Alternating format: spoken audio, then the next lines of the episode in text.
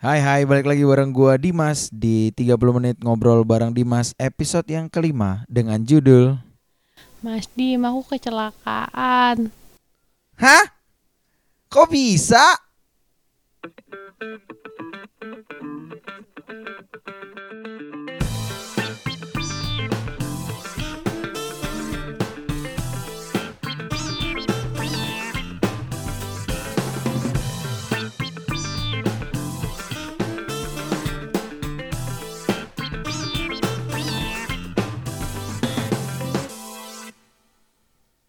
Itu adalah kata-kata yang gue dengar di saat pagi. Gue lupa ya jam berapa, tapi pastinya jam 7 atau jam 8 pagi.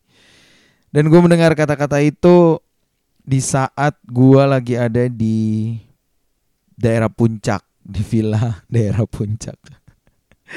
gue nggak ngerti gue harus mulai dari mana, tapi uh, untuk bocoran ke teman-teman, jadi gue akan bercerita bagaimana momen yang mengubah gaya hidup gua. Aduh, gue bingung nih ngomongnya gimana. Sedih banget, asik. Sebenarnya nggak sedih sih karena udah berlalu jadi ini bisa gua ketawa di atas itu. Jadi jadi kalau gue boleh flashback kurang lebih tahun 2015 lah sampai 2017 mungkin kalau gue bisa cerita itu adalah tahun-tahun kejayaan dari seorang Antonius Dimas di mana ya orang tua gue nyokap gue khususnya lagi megang banyak proyek. Jadi ya tentu saja sebagai anak saya mendapatkan cipratan-cipratan daripada proyek tersebut ya kan. Ditambah lagi gue juga ikut nah ya beberapa kali gue ikut dalam proyek nyokap gue jadi kadang gue dapat lebihan untuk gue pakai menabung investasi masa depan. Enggak enggak enggak 2015 sampai 2017 semua uang yang uh, gue dapatkan dari bekerja bersama dengan nyokap gue tidak ada yang gue tabung melainkan hanya gue gunakan untuk foya-foya guys. Jadi ya di tahun 2015 sampai 2017 uh, karena gaya hidup yang begitu glamor ya kan. Mungkin kalau sekarang dibilang sultan ya mungkin kalau dibandingin sama Raffi Ahmad gue nggak sultan-sultan amat sih tapi ya gue cukup cukup punya lah. Artinya ya ketika lu butuh barang sesuatu dan itu harganya cukup mahal nah itu bukan jadi masalah gitu buat nyokap gue dan langsung dibeliin gitu. Kayak ya handphone laptop mobil dan lain sebagainya itu gue gue dibeliin gitu. Gue ada fasilitasnya sepatu mahal dan lain sebagainya. Tapi ya itu 2015 sampai dengan 2017 jadi karena Nah, nyokap gue tuh punya kebiasaan tetap meskipun anaknya gue tetap digaji. Gajinya itu gue dan uh, teman-teman gue yang gue ajak untuk ngantar nyokap gue itu uh, per minggu gitu. Jadi mingguan gue digaji lah sekian juta sama nyokap gue nah setiap minggu itu gue dan teman-teman gue memutuskan untuk pergi ke sebuah klub di Jakarta Selatan. Awalnya coba-coba seperti wawancara-wawancara bakso borak ya. Awalnya coba-coba tapi ternyata kok enak ya ternyata kok nyaman ya kan ternyata kok merasa memiliki gitu ya kan. Klub tuh sudah seperti menjadi rumah kedua bagi gue mungkin cerita kali ini nggak nyampe 30 menit tapi nggak apa-apa nikmatin aja. Karena gue bingung sih sebenarnya harus cerita dari segimana tapi ya untuk teman-teman tahu dan emang gue dasarnya suka sharing. Nah dari situ gue mulai menjadi seseorang yang mungkin bisa dibilang anak klub lah ya. Meskipun gue dan teman-teman gue tuh tipenya nggak suka pindah-pindah klub. Jadi kalau udah di klub yang satu ini di Jakarta Selatan ya udah di situ aja gitu loh. Sampai satpamnya kenal, waitersnya kenal, tukang valenya kenal. Waduh kenal dah pokoknya nggak perlu ngantri gitu ibaratnya ya kan. Nah karena saat ya sejak 2015 itu gue udah punya pasangan ya kan bernama Gisela Kusmawardani ya kan Gisela Niken Kusmawardani nah gue tuh sering tuh berbenturan sama dia perihal uh, dunia malam itu gitu. Jadi ya tapi perlu teman-teman ketahui ya bahwa gue minum bisa banyak gue uh, uh, apa mungkin cewek dan lain sebagainya tapi I'm not using drugs bro. Jadi ya enggak gue enggak ke situ arahnya. Jadi kalau dibilang kenakalan kenakalan apa aja dim yang udah lo lakuin gitu nggak drugs. Drugs jauh sih dari gue gue enggak lah sekitar gue drugs iya tapi gue bisa mengendalikan itu dan gue nggak terjerumus ke dalam situ Nah, jadi seringlah timbul-timbul cekcok-cekcok di hari Sabtu pagi tuh ya biasanya ya kan ketika gua balik tidur gua nggak bales chat pagi. Nah, Niken tuh mulai kayak Mas Dim kamu ke mana? Gua awalnya bilang enggak kok pergi cuman jalan-jalan gitu. Nah kalau ada pertanyaan ini tuh Niken nyokap lu tahu nggak Dim? Nyokap gue taunya gue ke Gultik. Jadi setiap gue balik kerja hari Jumat, nyokap gue sampai gue taruh rumah, udah aman, selesai semua. Gue langsung bilang, "Ma, Dimas pergi dulu sama teman-teman mau beli gultik." gultik di Jakarta Selatan ya. Eh, anyway, gultik tuh di daerah mana sih? Blok M Jakarta Selatan juga ya. ya emang bener jadi gue gue sama ini benar, gue nggak bohong sama nyokap gue. Meskipun gue nggak di gultik, tapi gue di Jakarta Selatan, deket. Nah jadi gue dari situ mulailah nih Ken kayak Mas Tim kamu nih ya akhirnya gue ngomong juga gitu ya aku dugem semalam gitu maaf ya marah nih Ken. Jadi tahapannya itu mulai marah banget terus akhirnya gue minta maaf ya seperti biasa. Nah terus mulailah nih Ken menurunkan nih udah kamu tuh alasan aja pokoknya ngabarin aku aja gitu.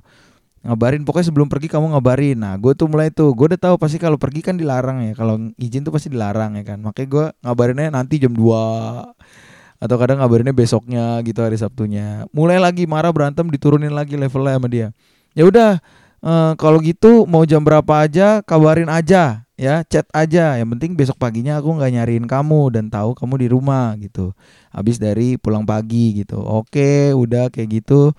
Sampai akhirnya ya udah tuh. Ya udah deh. Nih kan ya terakhir itu udah kamu yang penting ngabarin. Kalau nggak ada kabar aku bingung karena mamamu kalau nyariin kamu itu ke aku. Nah jadi itu salah satu uh, kegiatan yang mama gue lakukan juga ya. Jadi kayak kalau nyariin gue tuh ke orang-orang terdekat gitu salah satunya Niken gitu. Karena orang-orang terdekat yang lainnya itu cowok dan ikut gue dugem. Jadi dicariin juga nggak pada ngangkat. Nah awalan tadi di mana Niken bilang Mas Dim aku kecelakaan. Di situlah hari di mana jadi setiap gue balik dugem itu gue ini kan bertiga berempat biasanya gue ajak adik gue tuh jadi sebelum minum tuh kita udah fair-fairan nih gitu. Ayo siapa yang mau mabok siapa yang lagi galau siapa yang uh, mau pol-polan nih minum malam hari ini. Kenapa kayak gitu? Karena harus ada satu orang yang bersedia membawa mobil gitu. Jadi satu orang nih ibaratnya yang nuangin aja jadi minumnya nggak terlalu banyak gitu. Nah di situ gue malam itu adalah orang yang ya udahlah gue mau mabuk nih hari ini gitu gue mau minum banyak gitu ya kan. Akhirnya gue minum lah banyak. Jadi yang bawa mobil itu temen gue nah gue lagi tidur ya kan masuk mobil gue tidur istirahat. Tahu-tahu kok bangun-bangun bukan halaman depan rumah gue nih gue perhatiin ya kan. Ternyata gue bangun-bangun begitu gue buka kaca gue masih di mobil loh kok adem nih? Gue bingung kok binong adem nih?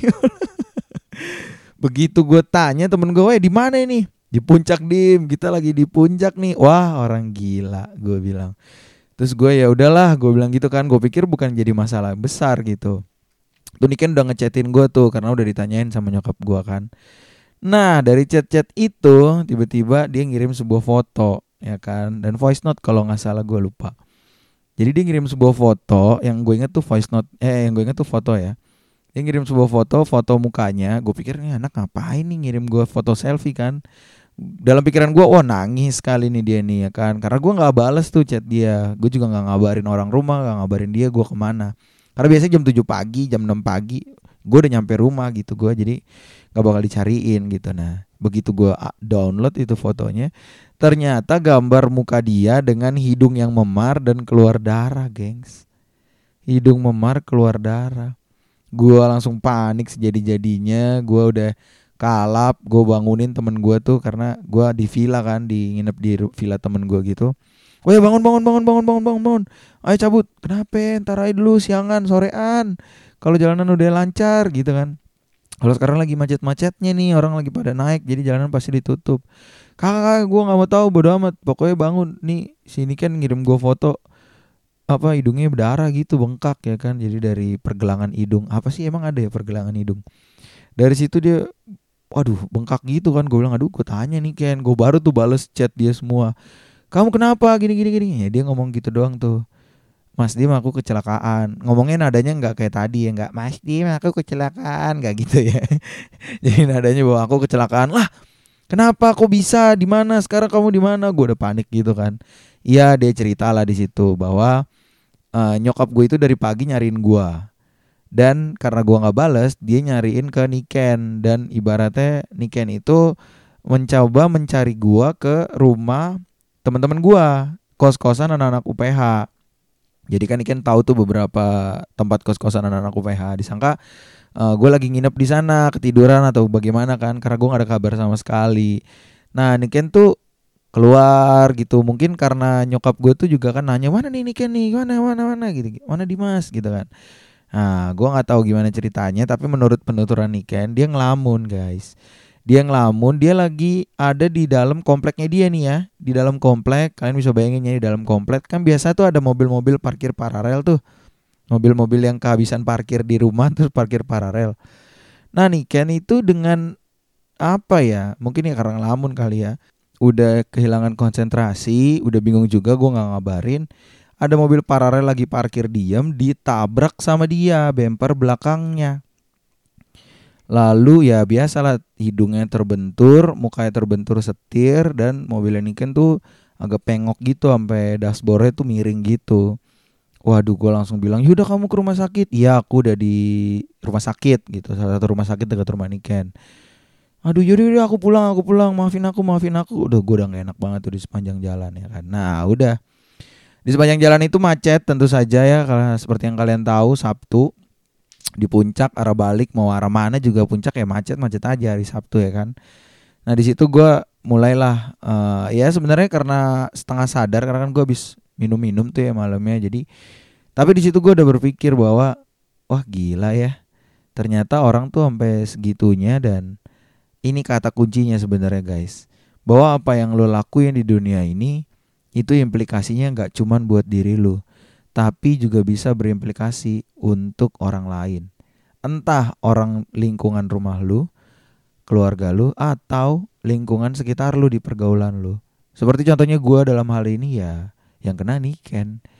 Dari situ gue langsung ya bisa dibilang gue sampai rumah gue minta maaf sama nyokap nggak ngabarin gue minta maaf juga sama Niken gue minta maaf juga sama apa orang rumahnya Niken ya kan karena nyariin gue dan akhirnya kecelakaan gitu. Jadi kayak ya bisa dibilang bahwa di situ momen yang menyadarkan gue bahwa dim lu ingat mau sehebat apa pun lu mau sekaya apa pun itu mau sejumawa apa pun itu kalau tindakan dan perilaku lu itu negatif itu bisa berimplikasi ke orang-orang di sekitar lu. Entah itu keluarga lu atau orang-orang yang ada di lingkungan pertemanan lu. Jadi gue cuma mau ngingetin buat teman-teman yang ada di mana pun nih sekarang kalian berada ya. Sekali lagi gue ulang kata-kata ini bahwa apa pun yang lo lakuin di dunia ini dan itu negatif, itu akan berimplikasi terhadap lingkungan keluarga lu dan juga lingkungan sekitar lu. Ya, begitupun kalau lu melakukan hal-hal positif gitu. Gue yakin bahwa kalau lu melakukan banyak hal positif ya pasti keluarga lu dan lingkungan pertemanan lu juga akan ikut positif seperti itu. Jadi buat teman-teman gue cuma mau ngingatin bahwa ya boleh lu have fun mumpung masih muda lu uh, chill sana sini ya kan. Iya lu harus inget lah gue mau bilang bahwa gue nyesel waktu itu gue ngabisin uang satu malam 5 juta 10 juta 12 juta waduh udah kayak uh, gue cuman ngebayangin kalau waktu itu 2015 sampai 2017 gue tabung. Mungkin sekarang gue udah punya rumah sendiri gue udah punya investasi yang bagus gue udah punya uh, Exitus yang baik ya kan? Mungkin udah jadi PT Exitus Indonesia gitu ya. Ya artinya gue akan punya uh, beberapa hal yang sekiranya bisa gue lakuin dengan baik dan lebih maksimal saat ini gitu. Kalau dulu gue melakukan hal yang gue dapat dengan baik jadi gue cuman mau bilang daripada kalian menyampaikan eh daripada kalian merasakan apa yang gue rasakan, gue kasih tahu sekarang kalau lu punya rezeki lebih lu tabung, lu berpikir masa panjang. Boleh have. Emang kalau lu have lu nggak bisa mikir masa panjang. Lu tetap bisa mikirin masa panjang. Sekian aja dari gue di episode yang kelima kali ini. Gue cuman mau bilang bahwa banyak ya yang ternyata gue cuman mau bilang. ya terakhir terakhir banget nih. Gue mau bilang bahwa boleh have fun, tapi jangan lupa masa depan. Terima kasih semuanya. God bless Indonesia. Dah.